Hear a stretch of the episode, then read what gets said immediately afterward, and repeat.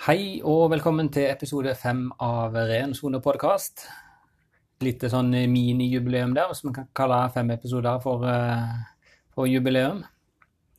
Med oss i dag så har vi Ole Martin Nordstrand, leder for forebyggende avdeling. Velkommen. Hei, takk for det. Eh, Du jobber jo på, på den forebyggende avdelinga, ja, og du kan kanskje fortelle litt om deg sjøl, sånn at eh, folk blir enda litt bedre kjent med hvem du er? Ja, jeg heter da fortsatt Ole Martin Nordstrand.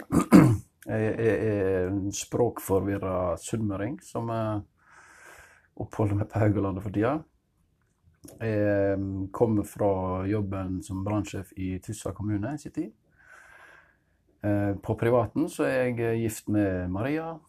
Oss har da fire unger og bor på Åkra. Ja, Solveig nevnte jo dette spesifikt, altså ikke spesifikt deg, men dette med at brannmenn har eh, mange unger. og var masse trebarnsforeldre på, på grunnkurset som satte i gang med. og Her har du eh, vel til nå rekord i eh, podkasten med fire barn blant gjestene her, tror jeg. ja, ja, men det følger du premie med. Nei, jeg har fire, fire unger. Og en katt, hvis han teller. Ja, noen, noen gjør det jo. Ja. Eh, I dag så skal vi primært snakke litt om eh, disse her milepælene, målsettingene, som vi satt når vi etablerte IKS-et. Eh, for da satt alle avdelingene seg ned og skulle formulere litt mål, både treårsmål og tiårsmål på hvor langt vi skal se for oss at vi har kommet innen 2020 og innen eh, 2028 skal være. Der er det formulert målsetninger, og i dag skal jeg grille deg litt på de måla som skal oppnås innen årets utgang. Ja, når jeg så agendaen og målet for denne, så tenkte jeg at det var litt som en eksamen. Men oss prøver. Ja. Det skal vi gå gjennom hvordan, hvordan nær vi er måloppnåelse på det. Men vi kan kanskje snakke litt mer om, eh, om avdelinga de først, og litt hva den daglige driften går i nå i disse dager. Ja, Forebyggende avdeling er jo den største avdelingen sånn i antall uh, helårsstillinger. Eh, Forebyggende avdeling har jo da den boligdelen òg med seg. Uh, og så er åtte på, på samfunnsdelen av forebyggende. Og så har vi tolv på feiebiten, feietilsyn.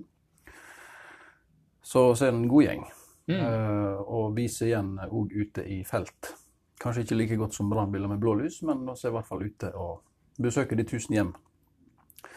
Um, ja, og sitter jo Samfunnsdelen sitter jo i Ja, stort sett fullt og helt i Diktaveien. Solveig, som har en halv stilling i forebyggende, sitter jo tidvis inne på beredskapssenteret i Jølen. Um, så har vi leder bolig, som òg sitter i Diktaveien, men de andre på, på bolig, feiere og tilsynsfolk, de eh, sitter litt rundt omkring. De er jo både i Ølen og i Akstad og Kopervik. Ja, og spesielt kanskje den gjengen er masse ute òg, men har et lite anker omtrent hver dag inne på en kontorplass for å både forberede og, og rapportskriving eller Ja, arbeid etter feiinger. Ja, Feierne de planlegger jo ved å varsle der de skal besøke noen dager i forveien, slik at de er jo inne på morgenen og, og henter planen for dagen. Uh, Likeens når de kommer tilbake, så er det, er det rapportskriving og oppfølging på, på de kundene som lever ute hos den dagen. Ja. Og og vi kan kanskje ta litt om uh, dette året, da, så er det litt uh, spesielt i, i eh, smittevernsøyemed. Eh, har det påvirka litt måten feirerne har jobba? Eh, ja, lite grann har du selvsagt det. Det som eh, gjaldt for feier, ble gjeldende for feierne som for alle andre, det var jo dette her med, med isolasjon, holdt jeg på å si. Det var ikke isolert sånn sett, men vi sa tidlig at feiere ikke skulle inn, inn hos folk. Eh, så det ble jo tidlig sagt at de skulle de kunne utføre feiing fra utsida, altså fra tak eller ute. Eh, så det er vel det konkret det medfører for dem. I tillegg så er det sånn litt in- in- intern logistikk i forhold til dette her med, med dusjing og, og sånne ting, at han unngikk smitte mellom kollegaer. Ja, og det, det kan jo egentlig høres ut at det dette kunne gått voldsomt utover den tjenesten som vi skal levere da, til innbyggerne, men eh, timingen har vel om en kan kalle en timing god når vi snakker om korona, men akkurat på jobben til feirende så har det kanskje ikke slått så galt ut som en det kunne gjort hvis det hadde kommet på en annen tid av året? Nei da, feieren har egentlig tradisjon for å drive mest utvendig arbeid, altså feiing, på sommerhalvåret. Da er jo sannsynligheten for, eh, for, gode forhold til å jobbe ute størst. Nå regner det stort sett hele året på, på Haugalandet, men, eh, men han unngår i hvert fall snø og is og glatte tak med sommeren. Så det at feierne Det er vel ikke rett å kalle de feier heller, det er vel bra med kontrollører, hvis det skal være helt korrekt. Eh, de, de driver alltid det med forebyggende, med feiearbeid på sommerhalvåret. Eh, så tar de igjen den innedelen med tilsyn på, på, vinter og høst. Mm. Sånn så koronasituasjonen ser ut nå, det hvordan blir planene for i vinter? Ser det ut til at man kan gå tilbake til den jobben som de pleier å gjøre på vinteren, eller kommer det til å bli litt endringer på det? Det må vi ta vurderinger på, men vi tenker jo at vi kanskje kan komme i gang med tilsyn og, og besøke folk inne. Um, men det får vi nesten bare se. Selvfølgelig litt smittesituasjonen. og nå er jo den På landsbasis så er den på vei opp. Men uh, lokalt så er det vel minimalt uh, med, med, smitte. Men det er klart, uh, vi må jo ha det i mente uansett. Om man skal da iverksette ekstra tiltak for, for uh, munnbind eller andre tilpasninger. Det må man eventuelt komme tilbake til da. Men jeg ser ikke det som usannsynlig at vi starter opp uh, når det nærmer seg vinter og, og jul. Ja, ja, for de har litt tiltak nå med, med munnbind og sånn hvis de må inn i bolig for å, for å kontrollere særskilte forhold, som huseier påpeker. Ja, ja da, så, det er noen av feierne våre som har vært inne og, og sjekka fyringslek hvor det er behov for det. Uh, men da med tiltak enten med munnbind, eller de skal jo i sin jobb så skal de bruke maske, filtermaske og den type beskyttelse òg, eh, normalt. Mm. Så de har jo en, er jo en viss beskyttelse, det òg. Ja. Og man kan kanskje se på den samfunnsgjengen òg, da. Eh, har deres arbeid blitt påvirka av koronasituasjonen? Den har nok blitt mer påvirka enn for, eh, for, boliggjengen, ja. Absolutt. Uh, Men jeg registrerte at det tok ikke lang tid sånn sett, før en kom i gang med tilsyn igjen? Under smittevernhensyn fikk en gjennomført det? Det, det er tradisjonelle, for å kalle det det, tradisjonelle forebyggende oppgaver som tilsyn og oppfølging med særskilte brannobjekt. Så, så, var det veldig mange som stengte dørene. Altså Sykehjem f.eks. De ville jo ikke ha besøk av oss. Og, ja. Eh, så, det ble mindre aktivitet ute i felt, eh, besøk ute på tilsyn. Men vi fikk i gang litt Eh, dokumenttilsyn. Hadde litt dialog via e-post og telefon, og fikk tilsendt litt materiale som jeg kunne sjekke opp i. Uh, og der er jo, ja, Før sommeren så var vi allerede i gang med tilsyn ute hos enkelte. Mm. Så tilsynsaktiviteten hadde nok en liten sånn, eh, kan kalle det dipp på, på vårparten, men er nå på god vei opp igjen. Ja, ja det ble ikke noen sånn sovepute? altså som en vegrer seg mot å starte opp igjen. Det virker å være eh, gode initiativ for oss å finne måter å komme seg i gang med, med den type jobb på. Ja da. Vi har òg jobba litt eh, internt med å fordele litt objekt. og hvem skal vi prioritere først og sist? Vi har i overkant av 500 såkalte særskilte brannobjekt som, som etter loven skal følge opp med tilsyn og andre tiltak. Uh, så, så at alle de er vel ikke nødvendigvis Det er ikke et mål om at alle de skal besøke oss i løpet av året. Men uh, også valgt å prioritere det som jeg kaller de hvite byggene, altså de helse, helserelaterte byggene, hvor folk sover over natta. Og så har vi fått til masse tilsyn både under korona og nå med alle typer virksomheter. Både industri og ja, andre offentlige bygg, skoler. Og...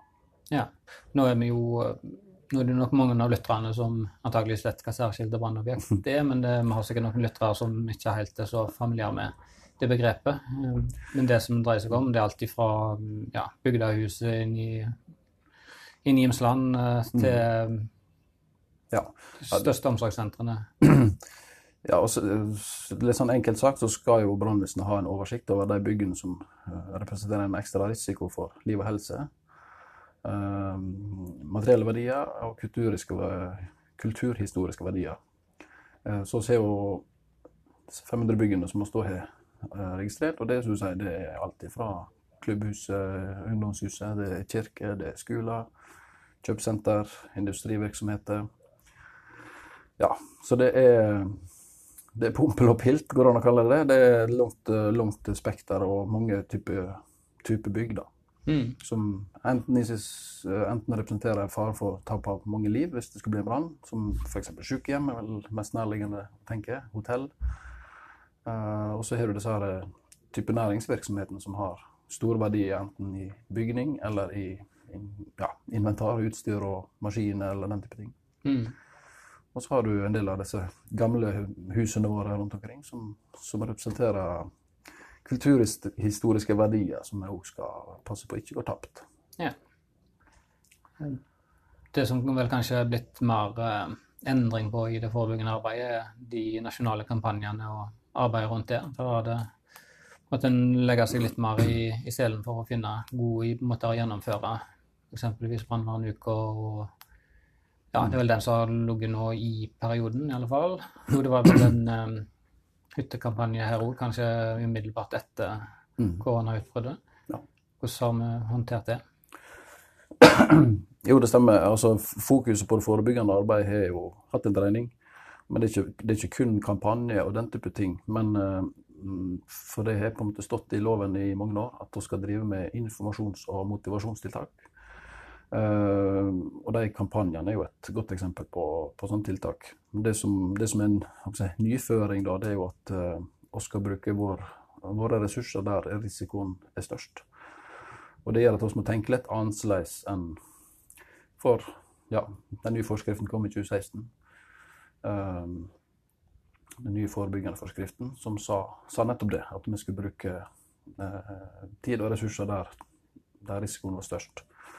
Um, så, så, det betyr at vi skal ikke bare følge de nasjonalinitierte kampanjene fra enten DSB eller Brannvernforeningen, vi skal òg se om vi har egne områder som, som krever mm. spesiell oppmerksomhet. Ja, men det er klart disse her eh, nasjonale kampanjene som, som disse her, si, store organisasjonene drar lasset på, med kampanjemateriell videre, det er jo veldig lett å henge seg på og så gjøre lokale tilpasninger der det, der det er nødvendig. Men det er klart, eh, den nasjonale kampanjen har vært et fast opplegg for eh, de fleste brannvesen som har inngått i Haugland brann og redning. Mm. Brannvernuka med åpen dag, eller det, det er Aksjon boligbrann, komfyrvaktkampanje og sånne ting, er ting som, som har vært aktuelt i mange år, egentlig. Ja, ja det, har blitt og vesentlig bedre styrt nå siste åra, har jeg et inntrykk av, med alt vi kan mot brann og, og, et um, samarbeid mellom brannvesenet og myndighetene på hvordan disse kampanjene skal gjennomføres. Og i år spesielt så har jo kampanjeledelsen kan du si, vært veldig på, virker som, i, hvis vi ser på brannvernuka spesielt, mm. med å legge, legge, opp til at dette her kan eh, norske befolkning få noe, da, med mm.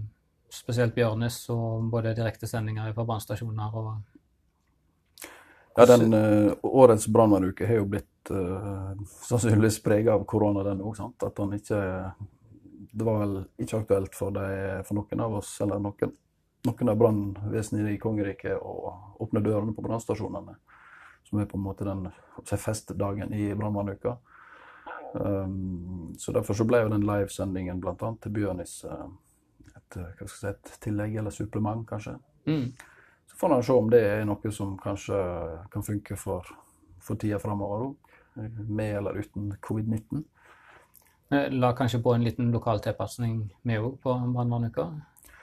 Ja, det var, kom tidlig en idé her om å finne på noe annet enn åpen dag eller en erstatning. Eh, og da var den eh, kortesjen som ble gjennomført eh, Det var egentlig Røde Kors som tok initiativ i, i området vest da, her tidligere i, i vår hvor han kjørte kortesje for å markere eh, alt, alt, blir bra. Alt blir bra. Eh, så egentlig så bare kopierte oss den, eh, den ideen over i brannmannuka. Og det ble gjennomført eh, minikortesje, som flere sikkert har vært involvert i. Hvor uh, ideen var at uh, de brannstasjonene rundt omkring i vårt område som hadde mulighet og lyst og anledning, kunne ta en runde til nærliggende barnehager, eventuelt barneskoler, og ja, vise fram og markere brannvernuka på den måten. Ja, ja da, og det er blitt, blitt lagt merke til. Altså, en ting er jo at eh, TV Haugaland lagt en liten reportasje på, på det som skjedde i området vest, og ser jo lokale Facebook-sider, altså bygdesider på, eller bygdegrupper på Facebook har eh, delt informasjon om at brannbilen har vært rundt på barnehagen og har tatt veldig godt imot. Og det er vel litt sånn du innleder med at det er kanskje ikke like synlig alt det forebyggende arbeidet som gjør, med sammenlignet med når du får ut en brannbil med litt blålys og vekker litt mer oppmerksomhet. Stemmer det. Sånn, det, sånn er det, og da må vi jo bruke det til, ja, til å trekke til oss oppmerksomheten. Det er med brannbiler og blålys eh, for ungene som er vann, egentlig. Altså, av en eller annen grunn så er det magisk med de blå lysene. Så det er jo, så det er jo viktig å, å bruke for, for det det er verdt. Ja. Absolutt. Ja, og vi kommer litt mer inn på akkurat det prosjektet òg, når vi skal snakke litt, eh, eller grille deg litt i eh, disse her målsetningene som vi, som vi sa skulle være gjennomført innen 2020. Ja. I og med at det er innen 2020, så betyr det at eh, nå i slutten av september så er det fortsatt eh, gode tre måneder igjen til, til fristen går ut, hvis en kan si det sånn. Så får vi se litt, får vi se litt hvordan eh, godt vi skårer. Ja. Skårer på dette. Eh, sånn, eh, hvis vi skal oppsummere først, da, så er det, er det seks eh, mål som er satt, som skal være gjennomført innen 2020. Eh, og så, ja, Jeg har ikke satt meg i hvor mange som skal være gjennomført innen 2028, men det kan vi ta, ta igjen i en sending i, eh, i 2026 eller 2020 der omkring. Men vi konsentrerer oss om de seks målene som vi har sagt nå. Eh, og der er den eh, første målet, da, det har litt med analysearbeid som sier at det forebyggende analyse det skal være gjennomført, og tiltak skal være iverksatt i henhold til den analysen. Hvordan eh, ligger man der? Ja, det, ordet forebyggende analyse er jo egentlig et eh, ganske nytt begrep som, uh, som oss, oss egentlig brukte litt tid på å finne ut av hva er det egentlig. For Forskriftene våre sier på dags dato ikke at du skal ha en forebyggende analyse, men den sier det som jeg eh, så vidt var innom her tidligere, at eh, vi skal basere vårt forebyggende arbeid der eh, risikoen er størst. Og i den sammenhengen så, så er forebyggende analyse på en måte det verktøyet som oss kan bruke både til å kartlegge det, hvor risikoen er, og i neste gang analysere oss fram til hva, hva tiltak og hva område er det vi må fokusere på. Mm. Så det er egentlig et navn på noe som i stor grad gjør, men Ja. det skal kulminere ut i en rapport egentlig da, til, til, sånn, til syvende og sist. Ja, altså hvis, hvis du kjenner eh, beredskapsanalyse, så er den litt mer sånn eh, jeg si, konkret i forhold til hvordan vi skal Hva trenger vi for å slokke en, en brann, f.eks. Da Mm. er det en brannbil, og du må ha vann, og du må ha slanger, og du må ha diverse utstyr, og så må du ha folk som møter til fastsatt tid. Mens på forebyggende analyse så blir det litt Man tenker litt annerledes, for det er på en måte ikke Og Du kunne analysert hva du trenger for å gjennomføre et tilsyn. Da må du ha en mann med, eller en dame for den del, med, med kunnskap og en datamaskin og en rapport osv. Men det blir litt, en annen måte å både analysere på og, og sette målene på. Men vi er jo må si der det er kommet eh, godt i gang nå med, med den eh, analysen, da, for å kalle det det. Og så er kartlagt en del risikoområder som, eh, som jeg mener er aktuelle å se på i vårt område. Og det er jo alt ifra eh, en jeg bestemt type objekt, eh, bygg, til å være mer risikoutsatte grupper. Det kan være naturbrann, villbrann, skogbrann, hva begrep man skal bruke på det. Så det er på en måte lett hele pakken, hvor vi tenker at uh, brannvesenet kan drive en annen form for forebyggende aktivitet. Mm. Og det, og det starta en jo egentlig opp med ganske tidlig, altså innholdet i denne forebyggende analysen. Um, det er bl.a. tiltak som uh, ja, Trygg hjemme vil vel kanskje stammer litt ifra Trygg hjemme stammer jo egentlig derifra òg, men det er òg en føring på at det er en gruppe som, eh, som alle vet etter hvert, eller i hvert fall vi i brannvesenet bør vite, er risikogruppen. Altså det er eldre og det er fysisk psykisk syke. Rusmisbrukere, våre nye landsmenn, som, som på brannstatistikken si, vinner, hvis man kan kalle det det. Mm. Taper, da, er vel egentlig bedre ord å bruke. Eh, Så det er jo en gruppe som vi, vi må jobbe målretta mot, både med lokalt og nasjonalt. Ja, Vi skal snakke litt mer om Trygg hjemme på et senere mål Mm. vi skal, skal innom. Eh, Men litt sånn for å oppsummere dette her målet da, med forebyggende analysen skal være gjennomført. Sånn eh, prosentmessig, hvor langt er vi kommet? Nei, vi har, eh, vi har lagt til de, de risikoområdene har vi, vi kartlagt, og vi har vurdert de, satt, satt risikotall på de. Så nå gjen- gjenstår egentlig arbeid med å analysere, altså kikke litt i, i det som er kartlagt og tallsatt, og så ser vi hva som, hva som scorer høyest. og egentlig da analysere sånn til hva er tiltakene, og hva er behovet for både folk, ressurser og ja, finne, finne satsingsområdene våre, da, egentlig. Ja, ja og dette det er vel kanskje et litt sånn kontinuerlig arbeid, men Det, det, går det an å sette en sånn sluttstrek, altså ikke sluttstrek for at nå skal en slutte å jobbe med det, men nå er forebyggende analysen på plass? ja, jeg, jeg håper at vi får den på plass sånn som er målsatt her, at vi kan på en måte ha den som et grunnlag for å planlegge aktiviteten framover, altså for 2021 f.eks. Mm. Så hadde det vært gyselig greit om vi kunne kommet så langt at vi sa at eh, det er noe med at vi kan ikke ri alle hestene på en gang. Det er mange, mange oppgaver som vi har både lyst til å drive med, og som sikkert er nødvendige òg, hvis analysen viser det. Men vi blir nødt til å velge ut noen områder som vi må satse på. Mm. Slik at vi blir eh, Og, og, da, og da kan en peke på et dokument som sier at det her vi har nedfelt at eh, ja, her er det stor risiko, og dette skal vi, det skal vi bruke ressurser på. ja.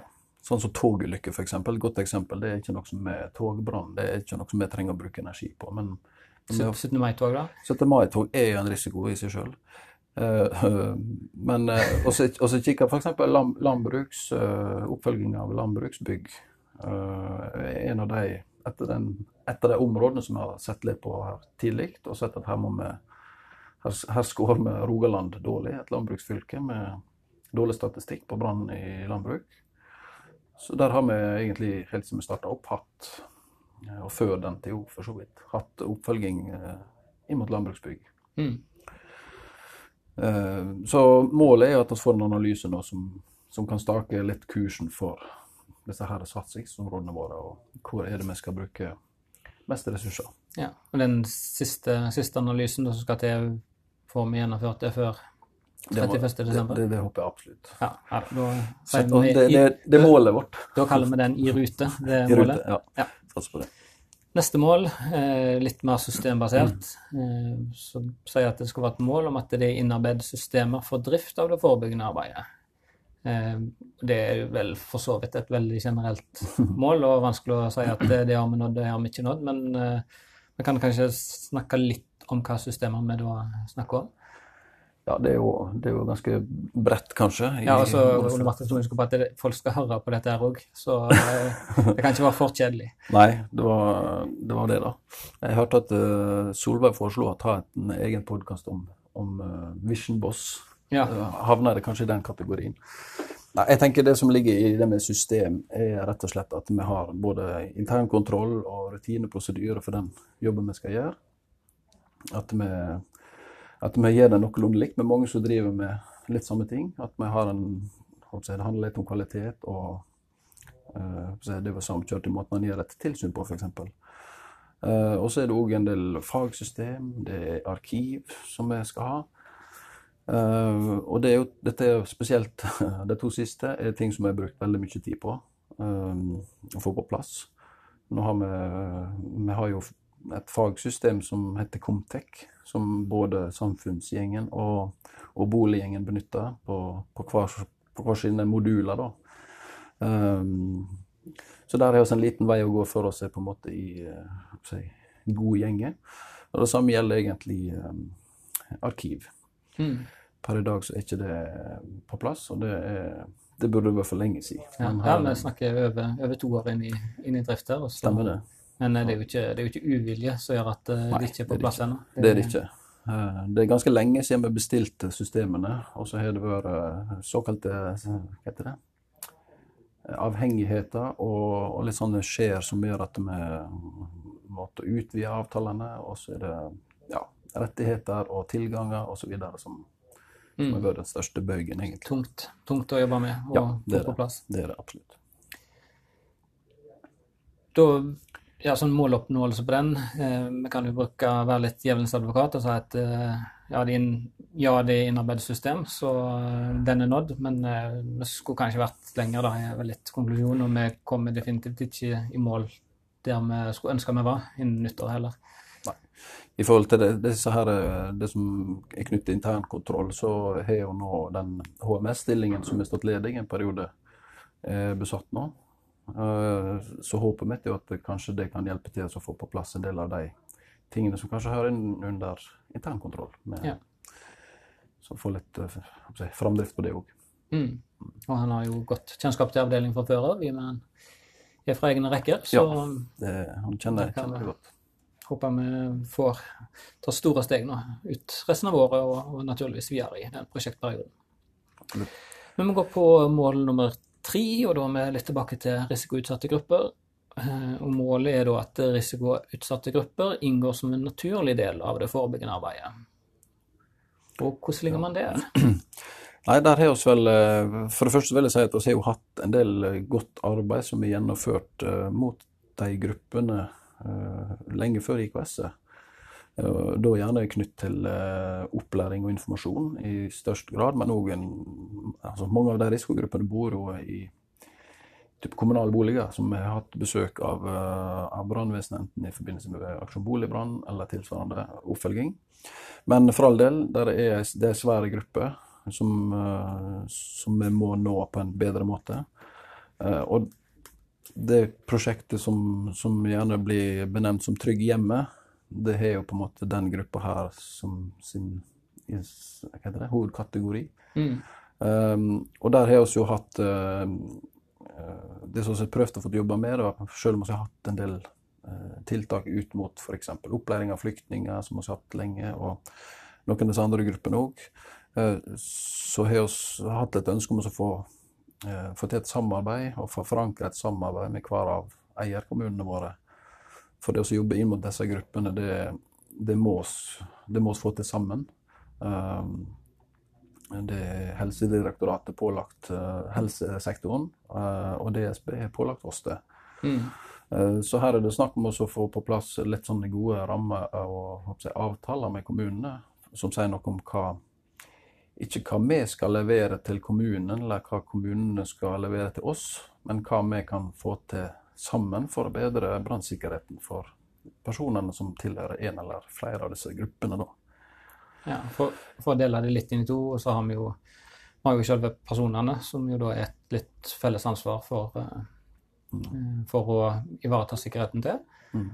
Eh, og vi har eh, kommunene er jo viktig å ha med på, på dette, ikke bare for de brukerne, men også fordi de er bygningseiere i eh, store, eller for mange av disse her tilfellene. Ja, stemmer. Og det er jo mye bygningseiere kan, kan gjøre for å legge til rette for både at brann ikke sprer seg i hvert fall til nabo, naboleiligheter og dette, her, men òg hva som skjer internt i, i boligen med, Mm. i form av varsling, muligheter til å Mm. rømme og forstå signalet, ikke minst. Så Ja da, og der, eh, som jeg sier, oss, eh, oss strekker vel strikken litt langt hvis vi sier at det nå er blitt en naturlig del av det forebyggende arbeidet. Eh, Men det er jo noe som vi jobber med på å prøve å få til. Men vi er avhengig av å få, få hjelp til, til det arbeidet av kommunene, spesielt kommunene. mm. er det noen Men, Jeg blir, blir et litt ikke ledende spørsmål, men jeg vet jo svaret på det. Men jeg vil jo gjerne at eh, alle skal få vite det. da. Er det noen kommuner vi kan skryte oss spesielt over når vi kommer til den forankringa? Ja, og så må vi vel, benytte anledningen til å skryte av uh, Sveio kommune. Der, eh, der har vi fått til en, en, eh, en avtale mellom brannvesenet og kommunen som sier at vi skal jobbe sammen for å mm, sikre de, disse gruppene. Um, nå kom den eh, avtalen litt tidligere i år, og så har vi hatt korona, så det er litt, blitt litt sånn break på det. Men vi skal ikke bruke korona som unnskyldning for all evighet. men men i Sverige så har vi fått en avtale, som sagt. Og det som vi må gjøre i steg to nå i, i Sverige, det er rett og slett å lage til en, en plan for uh, aktiviteten som vi skal uh, jobbe med gjennom 2021. Mm. Um, og så går det an å flette inn at vi har jo hatt uh, tiltak i Sveio hvor, hvor en um, ja, en, eller det var, var flere egentlig. De kommunale boligene var fast kunde, er lov å kalle det det, på, på den automatiske brannalarmfronten for beredskap som var ute der ja, litt for ofte. Og da var folk fra forebyggende avdeling på, i kontakt med Sveio kommune, eh, teknisk der, og hadde, en, eh, hadde et besøk til, til de eh, leilighetene eller boligene hvor det ble gjort justeringer på, på røykvarslerne som gjorde at uh, automatiske brannalarmene Mindre feilalarmer, da, enkelt og greit. Ja, Kobla det vekk, rett og slett? Ja, kobla ut røykvarslerne. Det lå kanskje litt i det med eh, altså, bruker òg der visste litt bedre hvordan som skulle opptre? Ja, informasjon til, til bruker. sant? Uh, men det er klart uh, Litt avhengig av hva bruker det er, så er ikke alltid det er så Du kan si ting tusen ganger, og ja, fortsatt så får du feil handlingsmønster. Mm. Men, men, det å så prøve i hvert fall å formidle hvordan vi skal opptre dersom brann, det, det må jo bare fortsette med. Ja. Sammen med andre tiltak, selvsagt. Så minst, minst like trygt for bruker, men færre feilmeldinger som da både er jo naturligvis tjenlig for kommunen, i form av at de slipper kanskje litt gebyrer for unødvendige utrykninger, og naturligvis godt for oss å slippe å, mm. Å rykke ut når det ja. ikke er behov for oss.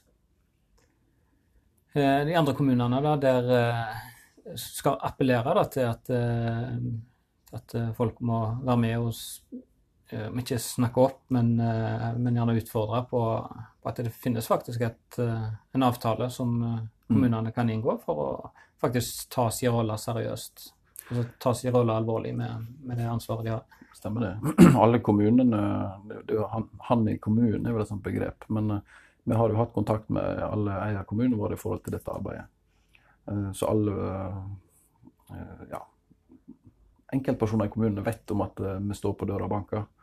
men vi må prøve igjen, og så ikke gi opp. Nå har vi en liten plan på å ta nye initiativ inn mot kommunene for å prøve å få til Sette ned litt arbeidsgrupper for å ja, finne litt ut hva er dette her. Ufarliggjøre det litt. For det er litt sånn, det å komme deisende på bordet med en avtale som du vil ha en signatur på, det er kanskje litt det blir avskremmende for de aller fleste. Men å forklare at dette her er en, egentlig en avtale som skal hjelpe både meg som brannvesen og den enkelte kommune som du sier, med å, med å innfri sine forpliktelser overfor sine innbyggere og sine kunder. Mm. Det, er ikke, det, er ikke, en sum penger de må betale for å skrive under den avtalen? Koster, koster kroner null, men det er klart at det kan jo være at arbeidet viser at det er behov for eh, både tekniske og organisatoriske tilpasninger.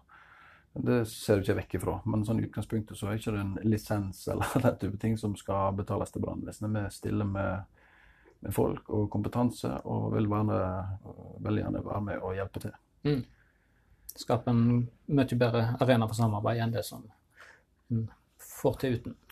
Ja, forankring er stikkord. Men vi kan kanskje ta med en annen ting òg, siden vi snakker om risikoutsatte grupper. og Det har jo med denne her eh, nasjonale sida som ble lansert i eh, antageligvis i fjor, med branntips.no. Stemmer det.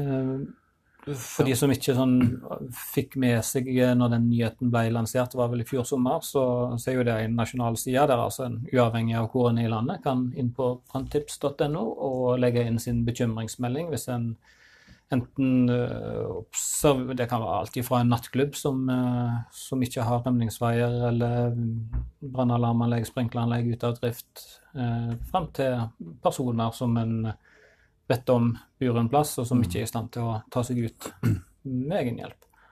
Har det vært noe aktivitet på via den linken inn eh, til vårt brannvesen? Vi har også fått, også ikke fått mange, men også har fått, nå har jeg ikke tallet, men hvis det sier at vi hadde en, en plass mellom 10 og 20 i 2019 i hvert fall. I 2020 har jeg ikke anelse, men at det er en god håndfull i hvert fall. Mm. Um, altså Branntipset det er jo en, egentlig en bekymringsmelding. da. Og da, er ikke det kun mot risikoutsatte grupper, men det er generelt ting som er med å altså, ut, hva det, representere en risiko for brann eller problem med rømning. hva måtte være. Så der får vi inn, uh, inn tips uh, på jeg, stengte rømningsveier i butikklokaler. Vi får på folk som tilsynelatende bor dårlig, enten med rot og skrap og som samler, samler Hva heter det? Syndromet.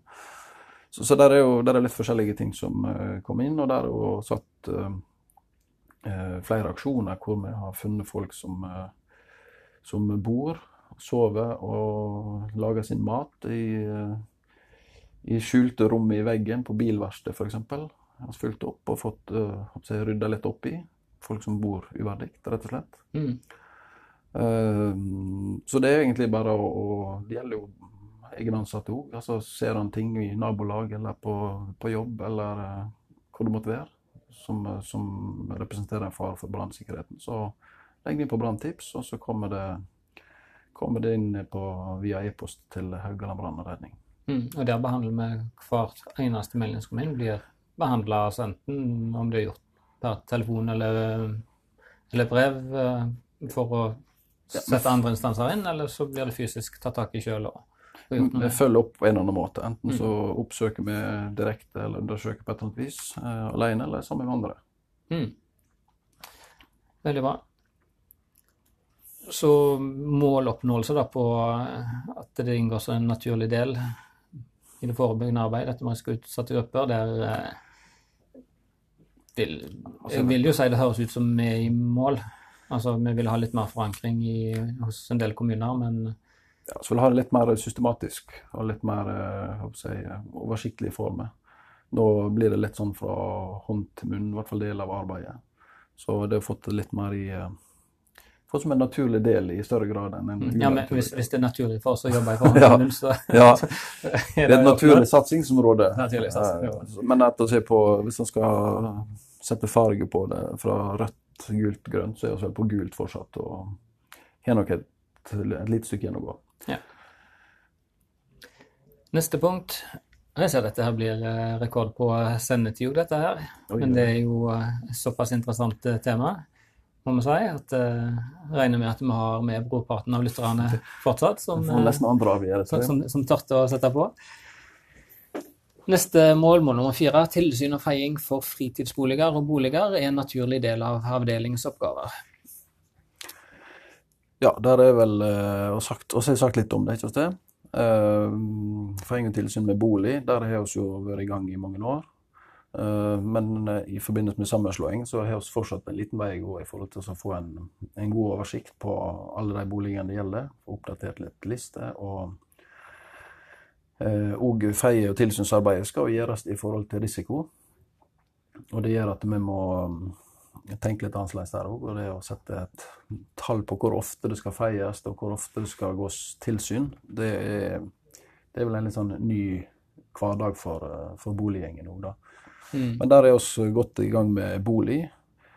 Uh, på fritidsbolig der har vi rett og slett valgt å ikke, skal ikke glemme de, men i påvente av å få litt bedre uh, kontroll på de helårsboligene, så, så har vi lagt dem litt på is. Selv om det er gjort et lite stykke arbeid i forhold til kartlegging i deler av området vårt. da. Men der har vi litt igjen å gå før vi er skikkelig i gang. Mm. Så har vi vel egentlig hadde regna med at vi i slutten av 2020 skulle, skulle eh, være i alle fall i full gang med å kanskje avslutte med å få kartlagt alle fritidsboliger. Så er det fortsatt eh, de ordinære boligene som eh, fortsatt er utfordrende med å få oversikt over. Ja. Og dette har med overføring av data fra eierkommunene til ja, ulike måter det er registrert på, kanskje. Og... Ja, mangel på, eller hva skal jeg si, fagsystem. Mm. Det var ikke alle kommuner Når vi ble virksomhetsoverdrattere, så hadde de aller fleste kommuner i bruk det der det kom til fagsystemet på, på boliger, eller på feiefronten, da, tilsynsfronten. Men eh, det var veldig ulik bruk av det, og ikke alle kommuner hadde det heller. Mm.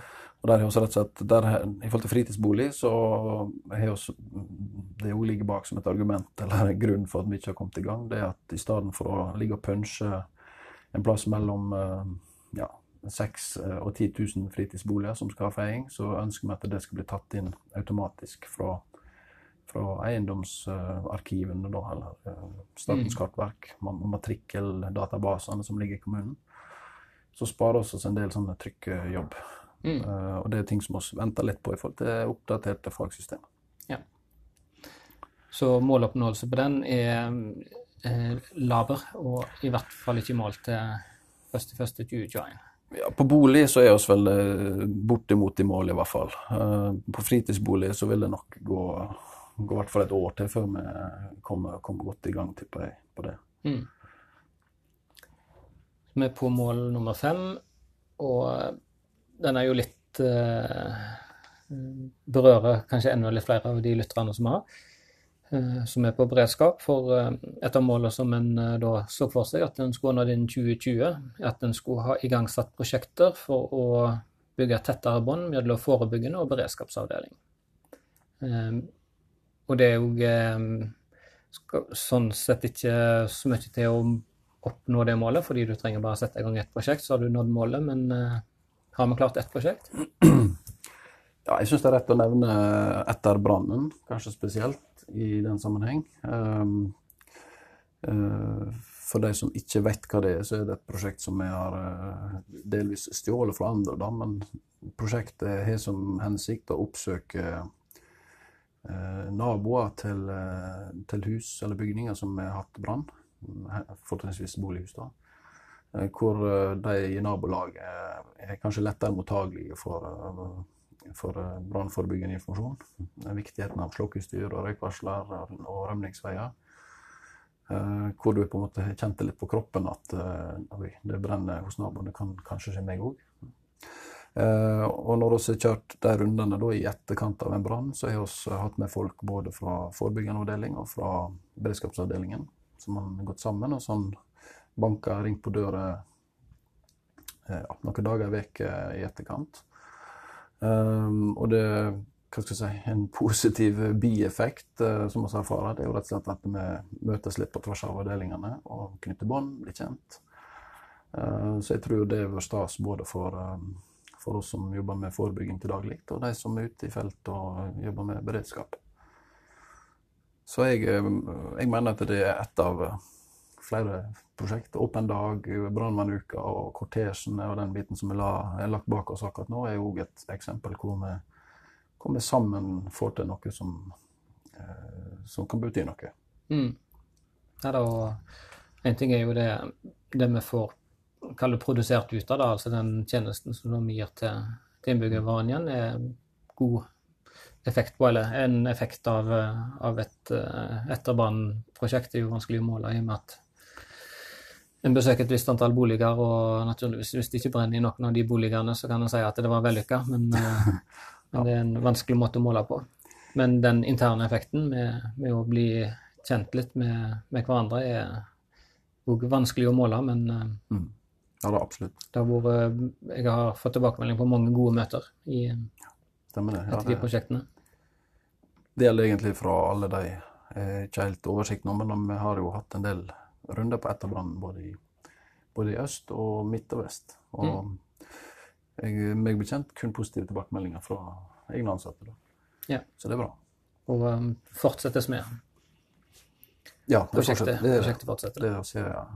I, I skrivende stund, eller i talende stund, så er det i hvert fall, uh, hvert fall ett område som er på trappene. Ja, og det var, det var et prosjekt, og du nevnte så vidt litt med kortesjer og åpne brannstasjoner, som har, som har vært eh, god suksess, egentlig, og som har jobba skulder til skulder, avdelingene mellom. Ja. Ja, så, men det er helt sikkert flere, flere prosjekt som vi kan få til sammen. og er det kommet opp innspill på, på mulige tiltak fra, fra ansatte på, på samfunn, så, så jeg satser på kan få til. Mm. Så får vi se etter hvert. Det er litt sånn korona eh, restriksjoner som gjør at vi kanskje Sånn som det med hospitering, eller hva man skal kalle det. At vi, vi som jobber med forebygging til daglig, kanskje kan være med på en brannøvelse.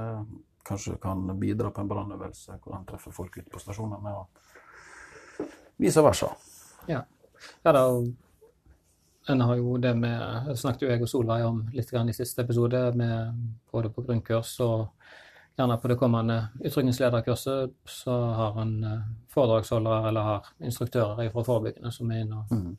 forteller litt om, eh, om sine fag, og som også ligger da i pensum til, til både brannkonstabel og utrykningsleder. Mm. Så der òg treffer vi på, på egne ansatte, på tvers av eh, ikke bare geografien, men òg på tvers av avdelingene som er positive. Mm. Eh, Så måloppnåelse definitivt utført, og det har gitt mersmak, skal man si det.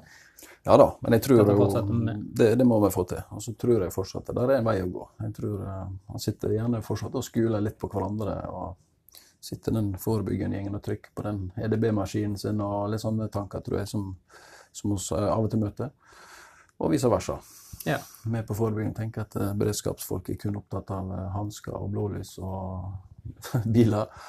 Eh, og det er jo naturlig, for det er jo det en holder på med til daglig. Så, så, men det å altså, vite hva den andre driver med for, han, eh, for, å, for å bli bedre kjent og eh, på kunne respektere hverandre med den jobben han driver med, tror jeg er nøkkelen for å, for å lykkes på det. Ja, og selv om en i Brann-Norge har snakket om disse her skottene mellom forebyggende og beredskapsavdelingen siden midten av 90-tallet, tidlig 90-tallet og gjerne før det òg, så starta vi med blanke ark i 2018, og ting er igangsatt. Altså, ting, Ja ting skjer nå. Det, Så må vi se fram. og jeg husker ikke helt ordlyden på det, men eh, dette er òg et mål som går igjen på, på tiårsplan. da, Altså ting vi skal oppnå i eh, 2028. Og da er det ikke bare at det skal være igangsatt, men uh, da er det nok en litt, litt sterkere ordlyd på, på hvordan det arbeidet, Mm. samarbeidet skal, skal være hos oss. Men det kom i episode 176 av podkasten, kanskje. Og eh, tipper rett ut av lufta. Men vi går på eh, siste, siste måloppnåelse, eller målsetting, som vi, som vi hadde. Kanskje òg et veldig sånn diffust punkt, men eh, vi har et mål om at informasjon er en planlagt del av det forebyggende arbeidet. Eh, hva skal vi si rundt det punktet? Jeg skal prøve kortet, da, så vi nærmer oss timen her. Eh, nei, altså Informasjon er jo, er jo litt sånn eh, Det er vidt begrep i første omgang. Uh, men når det står informasjon uh, i forebyggende arbeid, så er det jo informasjon ut til våre innbyggere og eh, gjester. eh, som omhandler brann spesielt, og sikkerhet generelt. Og det er jo et lovkrav at vi skal drive med informasjons- og motivasjonsarbeid. Det står i brannloven, og det har det stått i mange år. Mm. Og det har vi nevnt tidligere i sendinga. ja. Vi får den årvåkne lytter, så, Stemmer, så visste han det allerede. Ja da. Nei, så, så her er det snakk om å, å eh, følge disse her nasjonale kampanjene som er nevnt, eh, og benytte, benytte de informasjonskanalene vi har. Eh, det er lokale medier, hjemmesider, Facebook. Vi er vi òg en del ute på, på kall det informasjon eller opplæring på ansatte på en, ja, skole, sykehjem osv. Mm. Som òg er en del av dette. Ja. Og det, det Ikke det at vår, eh, verken vår hjemmeside eller vår Facebook-side har, eh, har eh, veldig store sånne treff, dø- døgntreff, men det kommer ut informasjon der som er sesongbasert, og en har et årshjul, vi må jo nevne det i denne sammenhengen, altså vi har et årshjul på, på hva informasjon som skal ut på de ulike typer av, av sesongene. Ja da. Det, det er noe informasjon som er mer nyttig på sommeren og vice versa vinteren. Um, nå kommer vi inn i en sesong eksempel, hvor vedfyring og levende lys kanskje er noe som tar seg opp. Uh, så da er det naturlig å tenke at det er informasjon med fyrer riktig og uh, ja, den type informasjon er sesongbasert, som du sier. da. Mm. Så, så se et uh, årshjul som, som sier litt om hva, hva sesong som informasjonen er mest aktuell i. Ja, så vil det variere litt på hvordan denne informasjonen blir spredd ut, om det er via pressemeldinger som, eh, som aviser og radio dekker litt videre og lager sak på, eller vi er litt mer aktive og, og genererer litt saker om det, eh, som vi har hatt innimellom, enten når vi kommer på, på radioen eller vi, vi får litt større, større trykk i avisene, så Ja, der, der hadde jo, Det har jeg også snakket om i andre anledninger, det å bruke eh, branner og ulykker som har skjedd, til, til, å dele et eller annet uh, forebyggende budskap, kan også bli bedre på i selskapet vårt. Mm. Da er det litt greit om de som er på beredskap, som ser ting som kan, kan være interessant å informere om, kan koble dette sammen og ringe en venn. Så kan vi prøve å lage til noe på det, Enten på Facebook eller på andre måter, som du sier, med pressemelding eller hva det måtte være. Mm.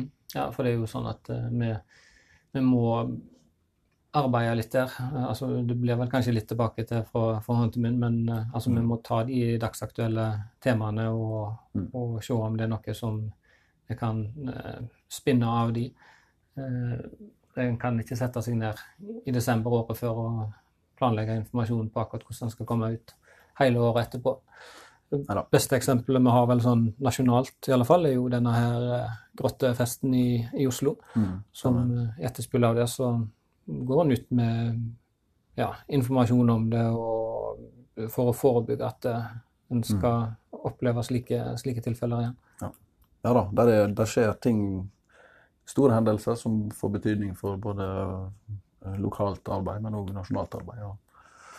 Så du sier dette må vi prøve å bruke for det det er verdt inn i, inn i arbeidet med, med det forebyggende informasjonsarbeidet.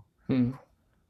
Og det, Den taktikken ble vel brukt litt her på Det var vel her det skjedde, det var vel i, i fjor, med etter en rekke altså Det har ikke ut veldig mange, men etter flere landbruksbranner mm. i området vårt siste halvannet til to åra, så iverksatte en en liten ekstra informasjonskampanje retta mot eh, bondelag og, mm. og bønder i i distriktene.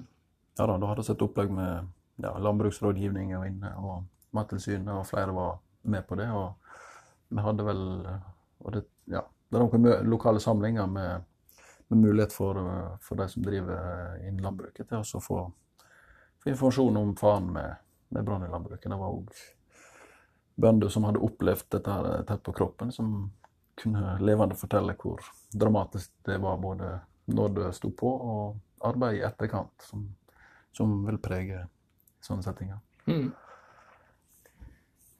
Så dette informasjonen planlagt del av forebyggende arbeid, det må man vel si er, det er det? Ja da, på langt vei. Igjen så er det det å få en god struktur på det. og Noe kan du planlegge på lang sikt, noe må du ta, ta når det dukker opp, holdt jeg på å si, og er naturlig. Mm. Og tilpasse seg alt etter hvordan smittevernet og koronaen eh, ja, slår ut og slike ting. Så det er uforutsigbart. Ja. Forutsigbart, uforutsigbart. Mm, ja da. Ja, men da var vi gjennom de målene som vi hadde sagt at vi skulle klare nå innen 2020. Uh, stort sett i rute, var vel konklusjonen. I hvert fall godt i gang mot rute. Det er jo litt igjen, men jeg har god følelse av at vi skal komme i mål i forhold til de de målene som er satt faktisk noen år tilbake.